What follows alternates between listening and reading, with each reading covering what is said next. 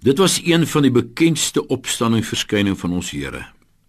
Aan twee van sy disippels, die breë disipelkring, twee wat van Jerusalem na die dorp Emmaus op pad was, 12 km verder. Die een se naam was Kleopas, die ander een weet ons nie. Lukas vertel ons in hoofstuk 24 van hierdie ontmoeting.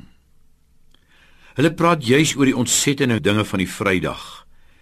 Want as Jesus by hulle aansluit en met hulle saamstap, vra hulle uit oor die dinge waaroor hulle so ernstig met mekaar praat.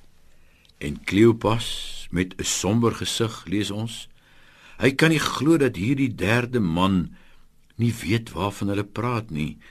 Is jy dan die enigste vreemdeling in Jerusalem dat jy nie weet nie? En dan op platgeslaane gemoed. Hulle het soveel van Jesus van Nasaret verwag, selfs gehoop dat hy die lang verwagte verlosser is. Maar nou het al hulle verwagtinge te pletter geloop teen 'n kruis en 'n graf. Nou is dit al 3 dae later.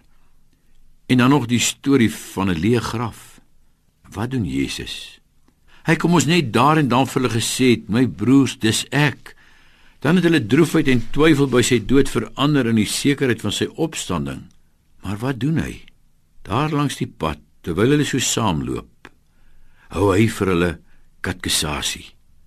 Hy begin en hy lê vir hulle uit uit Moses en al die profete al die skrifuitsprake wat op hom betrekking het. Ja, dat die Christus, dit is die gesalfde die Messias, dat hy al hierdie dinge moes ly om in sy heerlikheid in te gaan. Al die skrifte. Ja, hulle het die boekrolle gehad en hulle het gelees. Maar hulle het by die geliefkoeste uitsprake vasgehak En hulle die Messias verwag, spreek woordelik die ruiter op die wit perd wat oor Rome gaan triomfeer en Israel gaan bevry. Nee, sê Jesus, al die geskrifte, die hele Bybel. Jy is ook die tekste wat vertel van 'n lydende knegg wat kom. As hulle later besef dis Jesus, dan sê hulle, het ons harte nie brandend in ons geword toe hy die skrifte vir ons uitgelê het nie. Die hele woord al die skrifte. Alles wat die woord oor hom sê, dis die geheim. Dis wat Jesus ons op die pad na Emmaus leer. Kry jy daarom ook die regte fokus op Jesus?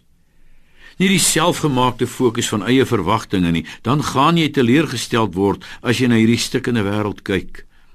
Maar die fokus van die Bybel, die hele Bybel. En jy gaan hom so duidelik herken en met brandende hart jou lewensreis voortsit saam met die opgestane Here